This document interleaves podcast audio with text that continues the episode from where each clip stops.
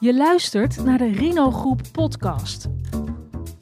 De podcast over psychologie en de mens achter de wetenschapper. Gepresenteerd door Jolie Jacobs en Jan Meijroos. Laat ik deze aflevering eerst beginnen met een huishoudelijke mededeling. Want vandaag hebben we een wat andere tafelsamenstelling dan normaal.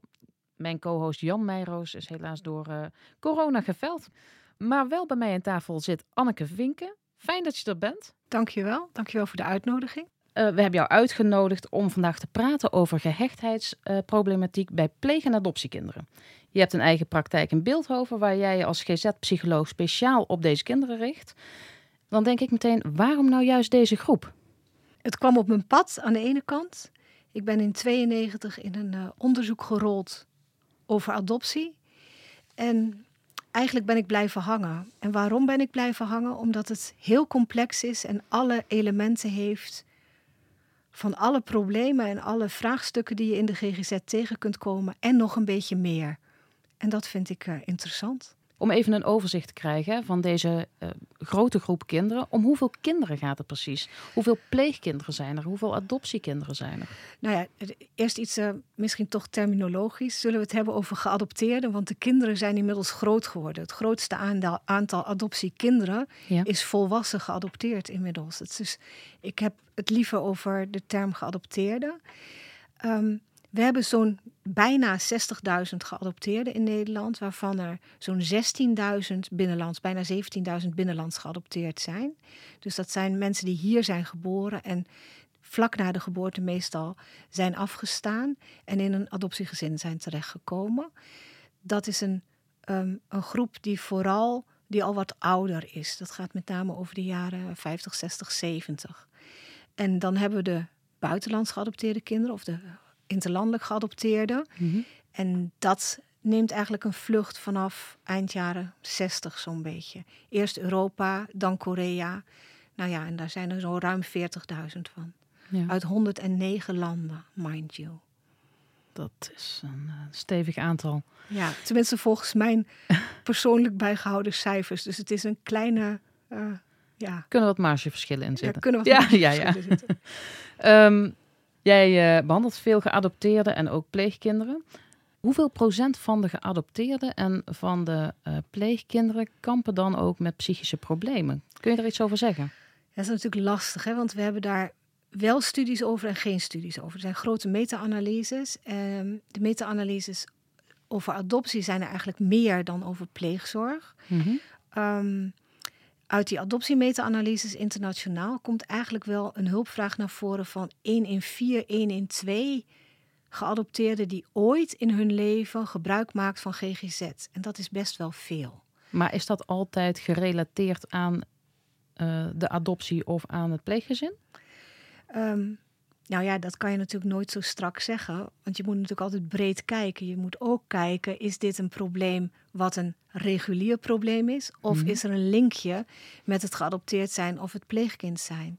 Ja. En dat uit elkaar rafelen is natuurlijk nog wel een dingetje. Voor pleegkinderen hebben we veel minder cijfers. We hebben wel wat cijfers bij aanvang in de zin van dat er gezegd wordt dat er voor een gewoon kind, dus een kind zonder dat het problemen heeft, een pleeggezin gevraagd wordt, mm-hmm. dat zou ongeveer 40% zijn. En die andere 60% zou wel een specifieke hulpvraag hebben. Maar dat zijn wat oudere cijfers. We hebben geen cijfers over zoveel kinderen in pleegzorg hebben een diagnose of een klassificatie ADHD, autisme of uh, OCD of, of, of ODD, whatever. Die cijfers hebben we niet. We hebben wel wat meer inzicht in problematiek dat we zeggen, nou, er zijn wat meer internaliserende, wat meer externaliserende problemen. Ja. Maar echt exacte cijfers heb ik niet. Dus ik heb nog even gezocht, ik kon ze niet uh, echt vinden. Nee, oké. Okay. Aan wat voor problemen moet ik denken? Waar, waar komen kinderen mee binnen bij jou? Heel gevarieerd. Vaak uh, loopt het in het gezin niet lekker. Uh, een kind wat zich opsluit in, haar, in de kamer. Een kind wat het niet kan hebben, dat hij getroost wordt. een kind wat meteen explodeert als je zegt: doe je schoenen aan. Um, een kind waarvan ouders denken: nou, hij voelt helemaal niet dat hij pijn heeft als hij door zijn enkel is gegaan. Um, ja, volwassenen die zeggen van nou, ik vind relaties zo moeilijk. Ik, ik, probeer dat wel en ik wil zo graag dichtbij iemand zijn, maar het lukt me niet. Ik kan iemand niet, ik kan niet vertrouwen. Dat is zo'n beetje het scala. Maar wat is dan het onderliggende probleem? Is dat telkens heel verschillend of komt dat eigenlijk vaak op hetzelfde neer? Ik zie wel patronen, maar of het allemaal op hetzelfde neer zou komen, dat, dat zou ik niet willen zeggen. Ik denk wel dat er heel veel uh, terug te voeren is op hoe het begin van het leven is geweest. Als je niet het gevoel hebt gekregen dat je hier welkom bent en dat er vanaf dag één 100% voor je gezorgd wordt, of 80 is ook al goed genoeg, hè? Mm. Um, dan, ja, dan wordt het al heel moeilijk om, om in die wereld ook een plekje te vinden. Kun je een voorbeeld geven? Ja, ik had uh, heb een keer een meisje gehad wat het heel moeilijk had, uh, moeilijk op contact met haar ouders.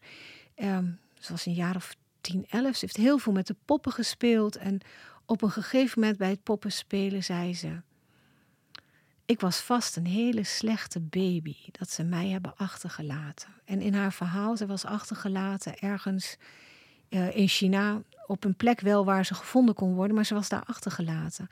En ze werd toen heel verdrietig. En dat, en dat verdriet, daar wil je eigenlijk naartoe. En dat is niet het leukste stukje van mijn vak, maar dat verdriet er laten zijn en met haar verdrietig zijn dat, dat iemand je heeft achtergelaten en dat dat die iemand is die eigenlijk ja, voor je zou moeten zorgen. Of, of dat, misschien was het wel een familielid hoor, maar en dat je daardoor bent afgesneden van ja, waar je, waar, wat je oorsprong is. Ja.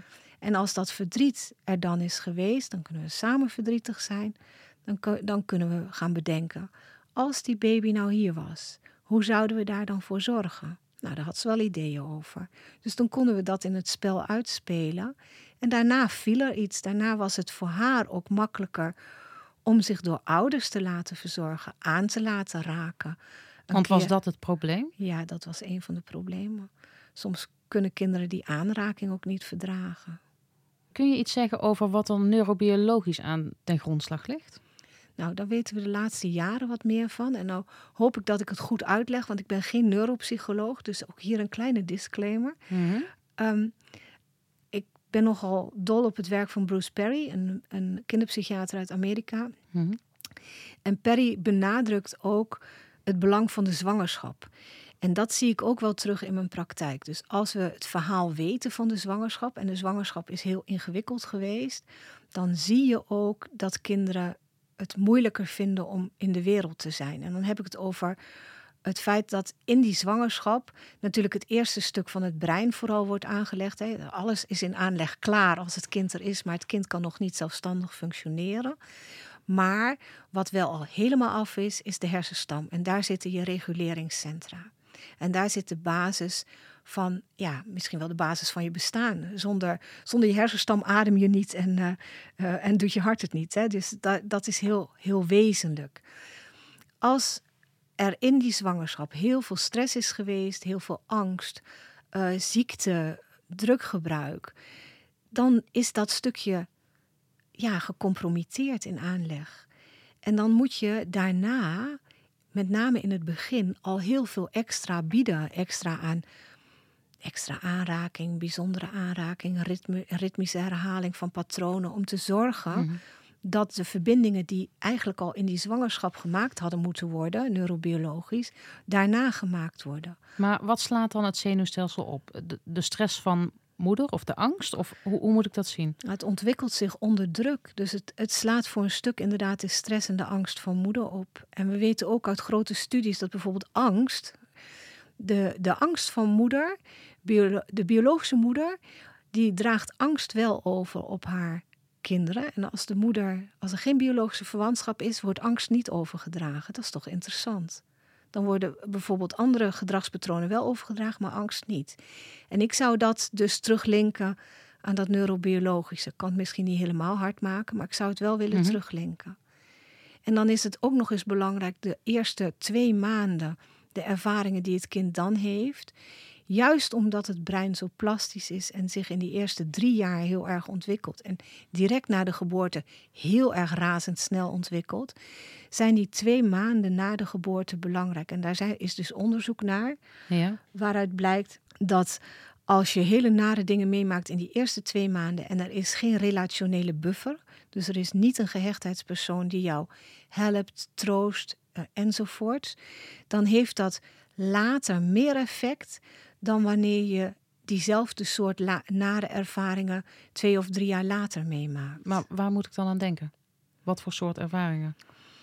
Um, als je huilt, geen eten krijgen. Um, mm -hmm. uh, na uh, harde, harde geluiden. Um, niet verzorgd worden, honger hebben. Dat soort dingen. Basisbehoeften? Basisbehoeften, ja. Ja. En, en, en dingen als, nou, een ouder die een kind een rotkind noemt. Of je hebt mijn leven kapot gemaakt. Dat soort dingen. En dat sla je al op, ook als je twee maanden oud bent? Ja, dat sla je op als je al twee, ook als je al twee maanden oud bent. Het lichaam heeft een eigen geheugen en het zenuwstelsel ook. En het ingewikkelde daarvan is dat wat we opslaan, dan gaan we reageren om te overleven. En dan kom ik terug op dat eerste stukje. Mhm. Dan kan het dus zijn dat ik alleen maar mezelf kan afsluiten als klein babytje van de omgeving om te overleven. En als ik dat helemaal in het begin heb geleerd en daarna komt er een superlieve adoptiemoeder en een, of een superlieve pleegmoeder die zegt kom maar kind, dan kan ik dat niet aan. Want ja, ik, uh, ik kan alleen maar overleven als ik het zelf doe. Ja. Helemaal zelf. Heb jou helemaal niet nodig. Je zit nu bijna in de rol van het kind. Ja. Ja, dat is best mooi om te zien. Ja, in die zin dan, dan merk je hoeveel, hoeveel liefde iemand heeft voor zijn vak. Dankjewel. Ja. Hey, wat gebeurt er... Hè, want wij, wij weten een beetje wat gebeurt er mentaal met, met een kind. Maar wat gebeurt er fysiek met een kind? Nou, een kind wat opgroeit in een slecht tehuis. En we hebben daar onderzoek naar, met name uit de Roemeense tehuizen. Toen Ceausescu viel, waar nou, de horrorbeelden staan, denk ik de wat oudere generatie nog wel op het netvlies. Um, dan weten we dat drie tot vier maanden tehuisopvoeding, opvoeding tussen aanhalingstekens, ja. leidt tot één maand ontwikkelingsachterstand. Nou, dan moet je je voorstellen dat als je daar twee of drie jaar hebt gezeten, ja, dan heb je dus niet kunnen groeien, dan heb je niet kunnen ontwikkelen. Dan, zijn, dan heeft je brein alleen maar in die overlevingsstand gestaan en je zenuwstelsel ook. Maar Dus- gaat het dan om eh, serieus groeien, als in lengte, gewicht? Ja. Eh, Ja. Ja, Oké. lengte, gewicht, hoofdomtrek, sociaal functioneren, gehechtheid. Maar het goede nieuws is, en dat weten we uit een heel groot meta-analytisch onderzoek uit 2006 van eh Femi Juffer en Rien van IJzendoorn, Mhm. althans ze waren projectleiders, dat als die kinderen daarna in een gezin komen, Ja. dat, er, dat groei wordt ingehaald. Kan rechtgetrokken worden. Nou ja, bijna helemaal. Oh. Bijna alles wordt rechtgetrokken. Het enige wat niet helemaal bijkomt is de eh, hoofdomvang. En dat is nog wel een puzzel. Daar zijn we nog niet uit wat dat, eh, wat dat ook precies voor gevolgen heeft. Maar heeft die hoofdomvang, is dat gerelateerd aan, aan de hersenen of niet? Aan de ontwikkeling van de hersenen? Ja, want da- dan heb je dus minder plek. Ja, precies. En, de- en het is maar de vraag, het- dat weten we nog niet precies, wat dat nou exact aan... Wat dat eh, voor gevolgen heeft ja. dan. Ja, want dat is dan wel eigenlijk meteen een vraag waarvan je denkt, dus, het zou een mooi nieuw onderzoek zijn. Ja, zou heel mooi nieuw Ja. onderzoek zijn. Ik heb er ooit eens met eh, een van de andere onderzoekers die ook dit soort onderzoek veel heeft gedaan, een eh, kinderarts in eh, Minnesota, Donna Johnson, Mhm. over gesproken. En die zei, ja, dit stukje dat is echt nog iets waar we de puzzel nog niet voor gelegd hebben. Want dan zou je dus denken dat die kinderen ook allemaal lager IQ zouden moeten hebben. Als je een kleiner hoofd hebt, heb je minder omvang. Ja. Komt er misschien minder cortex of minder verbindingen. Dat is niet helemaal waar. Want die IQ's, die springen ook omhoog nadat eh, kinderen in een stimulerende omgeving terechtkomen. Dat is toch apart. Ja, dat, en dat is misschien wel iets wat ik best wel belangrijk vind om mee te geven. Als een kind uit zo'n omgeving komt en die komt bij jou als eh, pedagoog of psycholoog aan je testtafel, omdat ja, een kind moet naar school hè, en de kinderen worden wat ouder als ze binnenkomen. Er komen niet zo heel veel kinderen binnen, maar ook bij pleegkinderen die overgeplaatst worden, waarvan dan een, eh, een school vraagt van ja, waar zit hij nou eigenlijk qua niveau? Dan zijn er twee dingen. Maar is dat dan middel... Sorry dat ik je ontbreek, Ja. maar is het dan middelbare school of is het dan basisschool? nog? Nou, kan allebei zijn. Oké. Maar er zijn twee dingen die belangrijk zijn bij die geadopteerden om te kijken of er inderdaad zo'n voorgeschiedenis is van te huis. Mhm. En dan ook eens te kijken of je wel klakkeloos de kalenderleeftijd ernaast wilt leggen. Of dat je twee berekeningen wilt maken, die van de kalenderleeftijd en die van de ontwikkelingsleeftijd. Ja. Waarbij je die, die drie tot vier maanden mee rekent. En de tweede wat je mee wil nemen is, hoe gestrest is dat kind tegenover je? Hoe ziet zijn zenuwstelsel eruit? Zit hij nog steeds in overlevingsstand? Want daarvan weten we, als het, als het zenuwstelsel in overlevingsstand staat, is de cortex, dus je denkvermogen, niet goed bereikbaar. Dus dan komt daar nooit het IQ uit waar het kind eh, eh, daadwerkelijk naartoe zou kunnen gaan. Er komt wel een IQ uit waar je nu mee moet werken. Maar laat het alsjeblieft geen voorspelling zijn of een slagboomdiagnostiek. Dit kind hoort in het moeilijk lerend onderwijs thuis. Mooiste voorbeeld heb ik daarvan. Vorige week kwam er een appje waar ik heel blij van werd.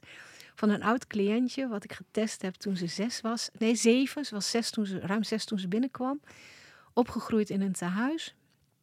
En het IQ was echt heel laag. Zo laag dat ze naar het speciaal onderwijs zou hebben gemoeten. Ik heb toen in overleg met ouders afgesproken dat we het IQ niet zouden afgeven. Zij ging sociaal heel erg goed in het regulier onderwijs. Dus ze heeft het regulier onderwijs afgemaakt met wat extra RT en wat extra ondersteuning. Toen later bleek dat ze ook dyslectisch was. Dus niet vergeten, kunnen ook gewone, gewone problemen Ja. ontstaan. En is naar, het, eh, naar de MAVO gegaan, is naar het MBO gegaan. En vorige week met een mooie foto met een, eh, zo'n graduation hat op. Ze heeft het diploma en ze heeft een baan. Nou, wat is nou mooier dan dat? En wat is nou een mooier voorbeeld van de kracht van adoptie en van inhaalgroei? Als we de kinderen een kans geven. Je glimt erbij. Ja, ik Ja, ja, dat snap ik. Hey, en je had het net over het voorbeeld. Is het dan dat, dat eh, bijvoorbeeld een school soms een hulpvraag heeft? Of komen ouders of kinderen vooral met een hulpvraag? Meestal ouders en kinderen. En soms komt school daar ook bij. Kijk, op het moment dat het heel erg ingewikkeld gaat en een kind dus ook niet meer in school kan zijn, omdat het eh, ontregelt of omdat het heel erg angstig is of omdat moeder er voortdurend bij moet zijn, ja, dan moeten we ook met school afspraken maken. En dan, soms spreken we dan af dat een kind eh, gewoon voorlopig even twee uurtjes per dag naar school gaat. En, eh, om te kijken, elk, echt om het ritme erin te houden. Want ik vind het wel heel belangrijk. Er verandert pas wat op niveau van het brein en zenuwstelsel door ritmische herhaling en door het bouwen van nieuwe patronen. Dus door een kind te helpen eruit te stappen, dus te zeggen van ja, het is te moeilijk voor jou, jij hoeft nou even niet. Dat is ook wel een lastige, want dan, dan honoreer je min of meer stilstand. Dus je, zou, je moet zoeken naar een evenwicht waardoor het kind wel even kan gaan en dan goede ervaringen op kan doen. Nou, lukt het een dag niet, lukt het een dag niet. Geen straf, geen toestanden, maar gewoon heel veel geduld. Die adoptieouders en die pleegouders die hebben vaak zoveel geduld. Echt geweldig. Ja, ik heb een echtpaar gehad wat een jongetje geadopteerd heeft. En in het begin wou dat jongetje alleen maar op, hun, op een bepaald kleedje zitten in de woonkamer. En hij kwam later bij mij en die zei: Ik heb zo'n storm in mijn hoofd, daar moet jij wat aan doen. Dus toen hebben we EMDR gedaan. Hij had hele duidelijke beelden. En de storm in zijn hoofd ging wat liggen. En moeder was hem kwijt, want hij zat niet meer op het, op het kleedje in de woonkamer. Hij was op zijn kamer, in zijn bed, een Donald Duckje gaan lezen. Hij was nog nooit alleen op zijn kamer geweest. Als er nu een, eh, een, een ouder met kind bij jou eh, binnenstapt, waar kijk jij dan als eerste naar als de deur open gaat? Nou ja, ik ben ook eh, opgeleid in lichaamsgericht werken. Dus ik kijk eerst naar het lijf. Ja. Ik kijk waar zit de spanning, hoe dicht eh, zitten ze naast elkaar. Ehm, een puber die zich helemaal afwendt van zijn ouder. Ja, dat zegt natuurlijk wel wat. Dus dan, eh, dan kijk ik gewoon. Ik ga gewoon eerst eens kijken. Is, zit, er, zit er spanning in het lijf? Wil, wil moeder het verhaal doen of wil vader het verhaal doen? Ehm, mag het kind wat zeggen? Of eh, zegt zo'n kind alleen maar: Ja, weet niet. Ja, weet niet. Ja, vind je dit lastig? Ja, weet niet. Is het lastig dat mama erbij is? Ja, weet niet. Mag ze er wel bij zijn? Maakt me niet uit. Nou, zo komen we natuurlijk een heel eind. Ja. En wat ik dan meestal ga doen is, eh, dan ga ik er een balletje overgooien of eh, iets, ik geef ze iets in de handen om te frunniken, zodat ze ehm, ook een beetje afgeleid zijn. En dan is de afweer ook een beetje weg. Soms zeg, eh, gebruik ik daar ook de EMDR-tappers voor. Dus dan krijgen ze de, de tappers om en daar heb ik zweetbandjes voor. Dus dan gaan die buzzers om hun handen. En dan worden ze eigenlijk een beetje afgeleid. En door die afleiding, eigenlijk werkgeheugenbelasting, niet bedoeld om verwerking, maar wel om de afweer wat omlaag te houden. En dan gaan ze praten. Is eigenlijk stressregulering. Ja, eigenlijk stressregulering. Ja. ja, En altijd wegnemen dat ik een kind ga fixen of dat ik iets ga fixen. Nee, we gaan samen wat ontdekken. We gaan ontdekken hoe jij in elkaar zit, hoe jouw leven is gelopen, wat jou is overkomen. Mhm. Want ik kan het niet veranderen. Waar je over struikelt, kunnen we een beetje opruimen. Soms zeggen mensen: Ik wil het niet opruimen, ik heb het zo ver weggestopt. Dat mag ook. Ik vind dat dat mag. Dat ben ik, uh, ja, zijn niet alle collega's het mee eens. Als jij er niet over struikelt en jij vindt dat het nu niet kan om echt alles wat op de bodem ligt te pakken, dan moet je dat nu niet doen. En vaak komen mensen later wel terug. Zeggen, nou is het tijd. Nou, nou moet ik opruimen. Nou moet ik toch werken aan, wat ik ook wel eens iemand heb horen zeggen, het, het afgesneden zijn. Het, het, het eigenlijk bij twee, twee culturen mogen horen, maar ik weet niet hoe. Ja. Hoe, um, hoe ziet jouw diagnostiek er normaal uit? Dus we hadden het net over, hè? er komt een ouder met een kind binnen. Um, en dan? Nou, het ligt een beetje aan. Som, sommige mensen komen binnen met uh, pak, pakken papier al en uh, hele grote diagnostische onderzoeken. Dan hoef ik niet zoveel te doen zelf. Behalve te kijken en nog wat aanvullende vragenlijsten en een stukje anamnese. En waar ik ook altijd wel op check is of er dissociatie is. Want als kinderen heel erg veel nare uh, ervaringen hebben meegemaakt, of volwassenen als kind nare ervaringen hebben meegemaakt, mm -hmm. dan kan het zijn dat er binnenin een soort van splitsing heeft plaatsgevonden. Dus dat stukje wil ik wel altijd afgecheckt hebben. Ben, ben, jij, ben jij één of ben jij meer? En dan zegt zo'n meisje, nou, er zijn er vijf. En dan, dan krijgen we namen en dan kijken we hoe oud die zijn. En dan kun je die meestal wel vastzetten op wat er aan trauma is gebeurd. Een ziekenhuisopname of een, uh, een nare ervaring in een uh, kinderthuis of iets anders. Maar wat wil dit zeggen? Zijn dat um, vijf verschillende persoonlijkheden? Het zijn delen. Het zijn traumadelen. Het zijn traumadelen, ja. En, en dan gaan we kijken of we die traumadelen, of het trauma wat dat traumadeel heeft meegemaakt, of we dat kunnen verwerken. En vaak bij jonge kinderen verdwijnt zo'n deel dan vanzelf. Bij volwassenen werkt die integratie wat uh, ingewikkelder. Dat is wat meer, uh, is wel logisch, die delen zijn al langer bij mensen. Kinderen dus, zijn er flexibeler in. Ja, ja. Okay. ja. Dus, dat, dus dat stukje. En als, als er een vraag ligt van ja, hoe zit het op school? Ja, dan doe ik gewoon de standaard testen.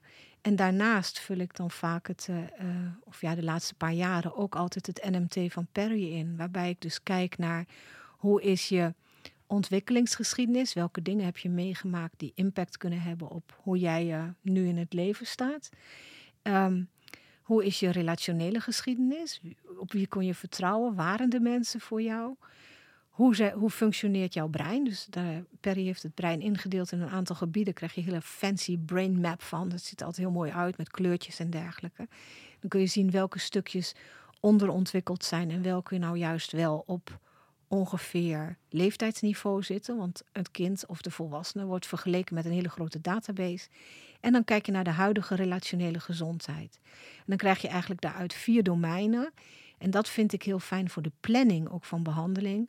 Hoe staat het met de sensorische integratie? Kunnen mensen prikkels verwerken? Kun je, kun je zelf voldoende gereguleerd houden in de klas? Want ja, concentratie is vaak ook een, een, een aanmeldingsklacht. Um, hoe zit het met de zelfregulatie? Als, je boos, als een kind boos is, hoe lang blijft hij boos? Ik heb een meisje wat wel vijf dagen boos kon blijven hoor. Of eentje die gewoon naar ouders rustig een week doodzwijgt. Nou, dat, uh, dat, dat is niet zo gezellig, zo'n puber in huis. En dan zijn soms ik heb nou een Afrikaans meisje voor ogen. Die kan iemand echt doodkijken. Dus echt, ja. Ik vind het, is, we oefenen er ook wel eens mee. Ik, dacht, ik wil het eigenlijk wel leren van jou. Want als ik zo kan kijken, hoef ik nooit meer bang te zijn dat me wat gebeurt. Ik hoef alleen maar die blik op te zetten. Niemand durft bij me te komen. Dan moet ze wel heel hard, hard lachen natuurlijk. Want het is echt zo'n blik als je denkt, wow. Don't touch me. En zorgt er dat dan ook voor dat haar blik uh, verzacht of ja, niet? Ja, ja want dan, dan, gaan we er een beetje mee spelen. En dat is eigenlijk wat je wil. Je wil dat ze zich bewust worden van patronen en dat ze in gaan zetten ja. en dat ze er weer uitkomen. Dus erin en eruit. En dat, en, en dat ze dat wel inzet als nou ja, een jongen iets van haar wil wat zij niet wil. Laat ze die blik maar opzetten. Niemand raakt er aan. Weet je, zo. Dus dan, dat zijn dan dingen eigenlijk die haar lijf dan vanzelf aangeeft. Als je dan zegt van waar kijk je naar en wat gebruik je. Probeer aan te sluiten bij het patroon wat het lijf al heeft. En dat uit te bouwen, bewust te maken. En daar dan een, ja, een hulpbron van te maken. Of een punt waarop je iets verwerkt. Maar, maar hoe neem je dan een factor um, uh, karakter mee? Nou ja, het ligt, ligt aan hoe je karakter definieert. Ja, natuurlijk. Ja, ja, ja. In, in die hoek van de sensory motor zeggen we, uh, zeggen we, nou ja, zeggen we of ze, ik hoor er wel een beetje bij, nou ze dan maar toch. Dan zeggen ze um, dat karakter een organisatie van ervaringen is. Dus alles wat jij meemaakt, organiseer je op een bepaalde manier en dat wordt je karakter. En als ik dan terugga naar die ontzettend zelfsturende kinderen, ja, die hebben hun ervaringen zo moeten organiseren om te overleven. Want dat is onze eerste opdracht als mensen, om te overleven, dat ze zelfsturend zijn geworden. Nou, dat duurt wel even voordat je dat eruit hebt, dat je echt mag vertrouwen. Nou, dan ga je in zo'n behandeling, als je dus die diagnostiek hebt gedaan en je hebt dat stukje gedaan, dus je hebt die, zelf, je hebt die sensorische integratie, die zelfregulatie. Daarna komt relatie en als laatste is het eigenlijk cognitie. En dat betekent eigenlijk ook dat als die regulatie en die relatie niet helemaal in orde zijn, dat je cognitieve interventies, die eigenlijk hartstikke goed zijn, hè? grote fan van allemaal mooie programma's in de CGT, maar die vallen gewoon niet als iemand volkomen ontregeld is. Want die cortex die gaat gewoon elke keer uit. Dus je begint bij lichaamsgericht werken? Ja, dat zou mijn boodschap zijn, ja. Omdat je en dat weet je zelf ook, denk ik. Als je heel erg gestrest bent, kan je niet meer zo goed nadenken. Dan vergeet je het boodschappenlijstje waarmee je naar de winkel ging. Om het maar heel simpel te houden. En zo is het natuurlijk bij die kinderen ook. Die zijn hartstikke gestrest en heel bang dat je te dichtbij komt staan. Want dat is, is al eng.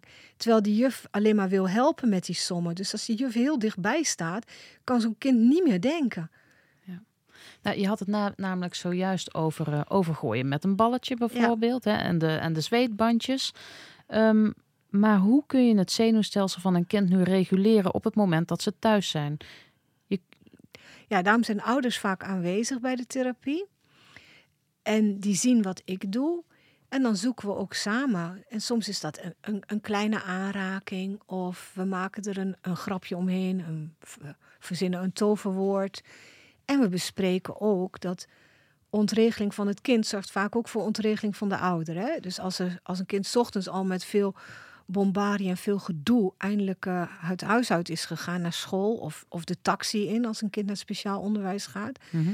Ja, dan is dat moment van drie uur als hij terugkomt, dan zit, dan zit je daar logischerwijze al van, oh jee, hoe zou die dag zijn gegaan? En als, komt hij nou net zo boos terug als die, als die weg is geweest? En wat we wel weten, zenuwstelsels, die, eh, die communiceren ook met elkaar. We communiceren niet alleen met woorden of met gebaren, maar ons zenuwstelsel reageert op dat van de ander. Dus ouders helpen om zich te reguleren is dan stap één. En, en ook helpen om het kalme brein te zijn. En tegen een mhm. kind ook te zeggen: leen nou maar mijn kalme brein. Nou, in de tijd van de wifi is dat heel makkelijk. Want ja, wifi kan je niet zien. Kalm brein van mama kan je ook niet zien. Het is net zoiets als de wifi. Dus zet even het kalme brein aan. Dus zulke soort um, Mooi voorbeeld. dingetjes. Ja, zulke soort dingetjes kan je doen. Ja. ja. Maar is dat dan een kwestie van ehm, het behandelen van de ouder? Of is dat een kwestie van het, het begeleiden van een ouder? Dat ligt eraan wat eronder zit. Ja. Soms, soms worden ouders getriggerd. En dat is misschien ook wel een boodschap die ik de laatste jaren steeds meer ben gaan uh, uitdragen. Ouders volgen een lang voorbereidingstraject, zowel bij pleegzorg als bij adoptie. Mhm. In dat voorbereidingstraject leren ze een heleboel over de kinderen, over zichzelf. Maar het is toch altijd anders in de, op de dag, uh, op, ja, als je 24-7 met elkaar uh, onder één dak zit. En dat betekent dat je eigenlijk in de opvoeding ook altijd je eigen patronen onder de loep legt. Dus ook je eigen gehechtheidspatronen. En ook, ja, wanneer raak jij nou getriggerd? Of wanneer word je gekrenkt? Het is nogal wat als je puber tegen je zegt in boosheid. Maar je bent toch niet mijn mama, rot maar op. Dat, dat is nogal wat. Je hebt daar je ziel en zaligheid en je, je doet de was en je zorgt voor die kamer en je neemt alle shit aan van het kind eh, het hele jaar door. En dan krijg je dat. En als je op dat moment, en dat is heel erg moeilijk, dan stap je eigenlijk over jezelf heen. Als je op dat moment zou kunnen zeggen, dat klopt. Maar ik ben wel degene die van je houdt. Mhm. Dan haal je een angel eruit. Maar dat vraagt heel veel van ouders. En dat vraagt Ja. dus ook van ouders om die patronen te onderzoeken. En ik heb best wel veel ouders die ofwel een eigen traject gaan, of als er hele nare dingen zijn geweest, als een kind heeft geslagen, of als een kind iets heeft kapot gemaakt, dan toch zelf een EMDR-traject hebben of iets anders gaan doen om te zorgen dat ze kalm kunnen blijven en de opvoeder kunnen zijn die ze willen zijn, maar vooral ook om het leuk te houden. Want de bedoeling is natuurlijk dat je het leuk hebt samen en dat je leuke dingen doet. Dus dat het niet alleen de focus is op bewust opvoeden en eh, ja, het moet allemaal precies en het staat in het teken van trauma en alles wat een kind heeft meegemaakt. Nee, het is ook leuk. Het is ook gewoon leuk om samen in de, in de speeltuin te zijn en eh, een kind op de schommel te duwen en jij ook op die schommel te gaan en een keer van een glijbaan af te gaan en whatever. Ja. Ja. Ehm, is het voor een kind belangrijk om te weten eh, wat zijn of haar geschiedenis is, waar het vandaan komt, welk, welke familie? Ik denk dat ieder mens eh, verbonden wil zijn met zijn roots. Op de een of andere manier. En voor de een is verbonden zijn met zijn roots weten waar hij geboren is en zijn verhaal in grote lijn weten. Voor de ander is dat de familie ontmoet hebben. En voor een derde is dat in heel veel detail ehm, echt alles onderzocht hebben. En voor een vierde is dat één keer in de week een dag wijden aan het land waar je, uit, waar je vandaan komt, waar, waar, aan, je geboortegrond. En voor een vijfde is dat eh, het paar maanden per jaar, als je volwassen bent, in dat land doorbrengen en de taal leren enzovoort. Geef jij dat veel aandacht in je behandeling? Ja, ja, ik onderzoek wel wat voor mensen passend is en wat ze daarin graag willen. En ik vind het heel belangrijk dat je honoreert, ook als therapeut, wat voor die persoon passend is. Adoptie was altijd doorsnijden van de band en verder gaan. Ja. Maar zo zit het niet. Het is verbo- verbonden zijn. Het kind is verbonden aan beide ouderparen, aan beide culturen. En het is aan begeleiders om het kind te helpen zich ook thuis te mogen voelen bij allebei. Er komt ook een heel groot eh, deel van de geadopteerden uit Nederland. Is het voor hen belangrijk om te weten wie hun biologische familie is? Nou, de, de zoektochten voor hen, die gaan allemaal via het FIOM. Ehm, voor een deel is het wel belangrijk voor, van hen en voor een Ja. deel ook weer niet. Dat is net, die verdeling is ongeveer gelijk. Ja. We hebben een paar jaar geleden hebben we een groot onderzoek gedaan toen ik nog eh, verbonden was aan het Adoptiedriehoek Onderzoekscentrum. Dat is helaas ter ziele, omdat we geen eh, financiering meer konden krijgen. We hebben een onderzoek gedaan onder volwassen Nederlands geadopteerden. We hebben 75 eh, respondenten gehad toen in dat onderzoek. En verge- hun, hun gegevens en hun eh, onderzoeksbevindingen hebben toen vergeleken met interlandelijk geadopteerden. En eigenlijk deden ze het net zo goed. Alleen wat heel erg opvallend was, als je dan weer teruggaat naar de ehm, problemen die mensen tegenkomen, is dat in deze groep, in de ne- binnenlands geadopteerde groep, de mannen vaker depressieve symptomen hadden. En dat is in andere groepen is dat vaak omgekeerd. Zijn het vaak de vrouwen en niet de mannen. Niet per se een verklaring voor, Ja. maar het is wel een soort van, van eh, let daarop als je een binnenlands geadopteerde man in je spreekkamer krijgt, dat de baseline is dat, dat er een wat grotere kans is op depressie of op stemmingsproblematiek. Ja. Ehm, we hebben het nu vooral namelijk over eh, geadopteerden. En dan zit ik ook te denken aan de pleeggezinnen natuurlijk. Ehm, is dat bij die groep heel anders? Als in, ehm, wil die groep kinderen misschien eh, liever het contact behouden met hun biologische familie? En is dat ook aan te raden? vind ik een lastige. We geven heel veel rechten aan biologische ouders. Hè. Is de beweging van nul. En we willen graag zorgen dat kinderen bij hun eigen ouders kunnen opgroeien. Moeten we ook vooral in investeren. Maar we moeten ook realistisch zijn dat er sommige ouders zijn die het echt niet kunnen. En die ouders heb ik toen, ik heb vroeger bij bureau jeugdzorg gewerkt in de jeugdbescherming. Ik heb ook eens een vader tegenover me gehad die zei: Ik ben zo blij met mijn gezinsvoogdes, want dat opvoeden dat is veel te moeilijk voor mensen als mij. En ik denk dat we dat stukje ook moeten honoreren. Dat we mensen moeten helpen om dat ook te mogen zeggen. Want daardoor kan zo'n ouder ook met een pleegouder samen en dan kom je weer op die verbinding om dat kind heen gaan staan. Op het moment dat een instantie besluit, jouw kind, jij mag, bent niet goed genoeg om voor je kind te zorgen, komt iemand in een verdediging, gaat hij vechten en mijn kind is van mij. En dan gaat het niet meer over wat het kind nodig heeft, maar dan gaat het over wat jij wil hebben of zo, of over een basale norm of waarde, die heel belangrijk is en heel goed. Maar laten we vooral zorgen dat pleegzorg en adoptie een kindgecentreerde maatregel blijven. Mhm. En als we dan zorgen dat kinderen zoveel mogelijk contact en zoveel mogelijk informatie en ook eerlijke informatie over hun ouders krijgen, mhm. dan beslissen ze ook zelf of ze wel of geen contact willen. Sommigen willen contact, sommigen zeggen ik wil even geen contact.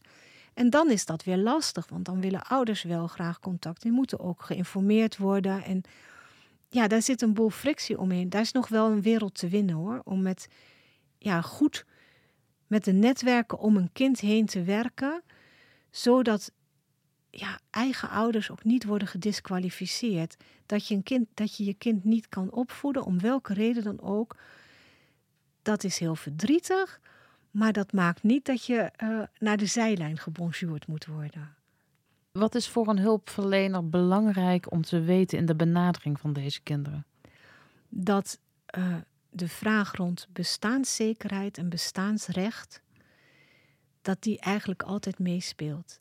En dat er altijd vragen, dat je die, of dat die altijd meespeelt, dat je die altijd afcheckt. Ja.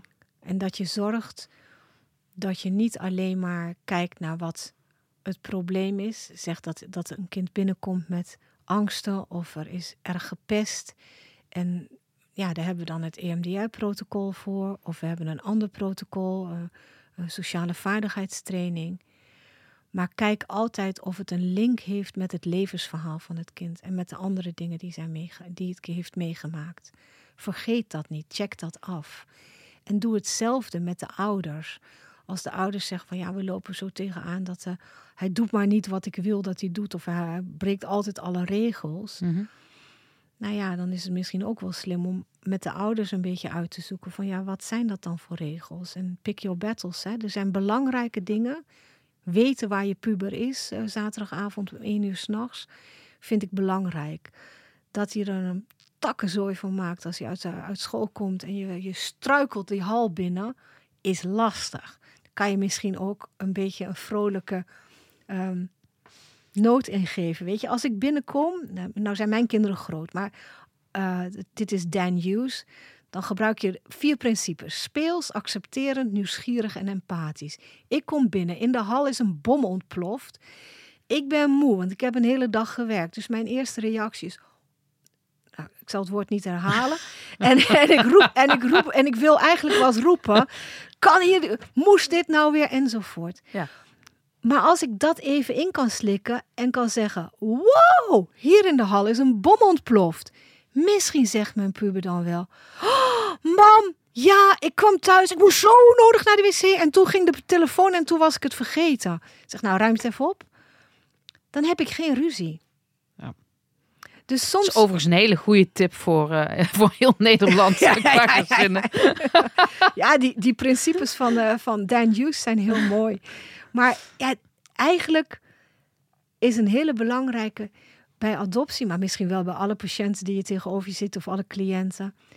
Vul het niet meteen in. Wees heel nieuwsgierig en blijf even doorzoeken en vraag en vraag terug. Klopt het dat dit te maken, zou dit te maken kunnen hebben met? Zou het iets van vroeger zijn of is het iets van nu? En als iemand zegt het is van nu, dan gaan we het nu behandelen. En dan hebben we het nu behandeld. Zeggen, is het nou helemaal klaar? Is het nog niet helemaal klaar? Zit er dan misschien toch... Ja, ik weet niet hoor. Misschien zit er toch wel een haakje met vroeger. Want soms is het ook doodeng om naar vroeger te gaan. Want als je wat opentrekt, weet je niet precies waar je uitkomt. Dus dat vraagt iets van jou, van de relatie met je cliënt. En dus ook, als ik zeg geduld, ook geduld van de therapeut en ook tijd. Ja. ja. Hoe zouden we adoptiegezinnen uh, beter kunnen begeleiden? Nou ja, ik denk, um, als ik kijk, als ik even over het kanaal springen, dan springen we even naar, uh, naar het Verenigd Koninkrijk, zoals dat zo mooi heet. Uh, daar hebben ze een Adoption Support Fund. Dus als jij een kind hebt geadopteerd, dan kan jij een soort adoptie-PGB aanvragen. En dat is natuurlijk. En wat houdt dat in? Dan... dan krijg je een bepaald bedrag wat je zelf kan inzetten als ouders voor hulpverlening rond je geadopteerde kind. En dat, dat, is een, ja, dat is zijn geoormerkte bedragen. En ik kreeg, vorig jaar kreeg ik een mailtje van een Nederlandse meneer die terug wilde naar Nederland met twee geadopteerde kinderen. En die vroeg van hoe die dat hier zou kunnen regelen qua financiën. En toen ik uitlegde hoe ingewikkeld dat hier is om voor twee kinderen je PGB en alles op elkaar af te stemmen. Toen schrok hij en toen, ik heb niks meer van hem gehoord. Dus ik vrees dat hij in Engeland is gebleven. Als ik jou nu zo hoor praten en je praat er met zoveel liefde over, dan denk ik, al die kinderen die bij jou komen, ehm, die vaak niet weten wie hun biologische ouders zijn, die opgroeien op verschillende plekken, uh, uiteindelijk bij een vreemd gezin terechtkomen, uh, waar jij onderliggend trauma van moet behandelen. Wat doet dat met jou?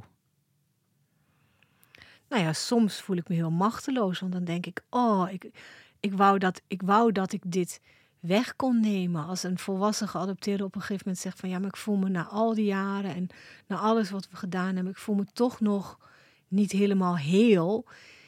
Ja, dan, dan is het enige wat, wat ik kan doen, is ernaast gaan staan. Ja, en wat doet dat met mij? Ja.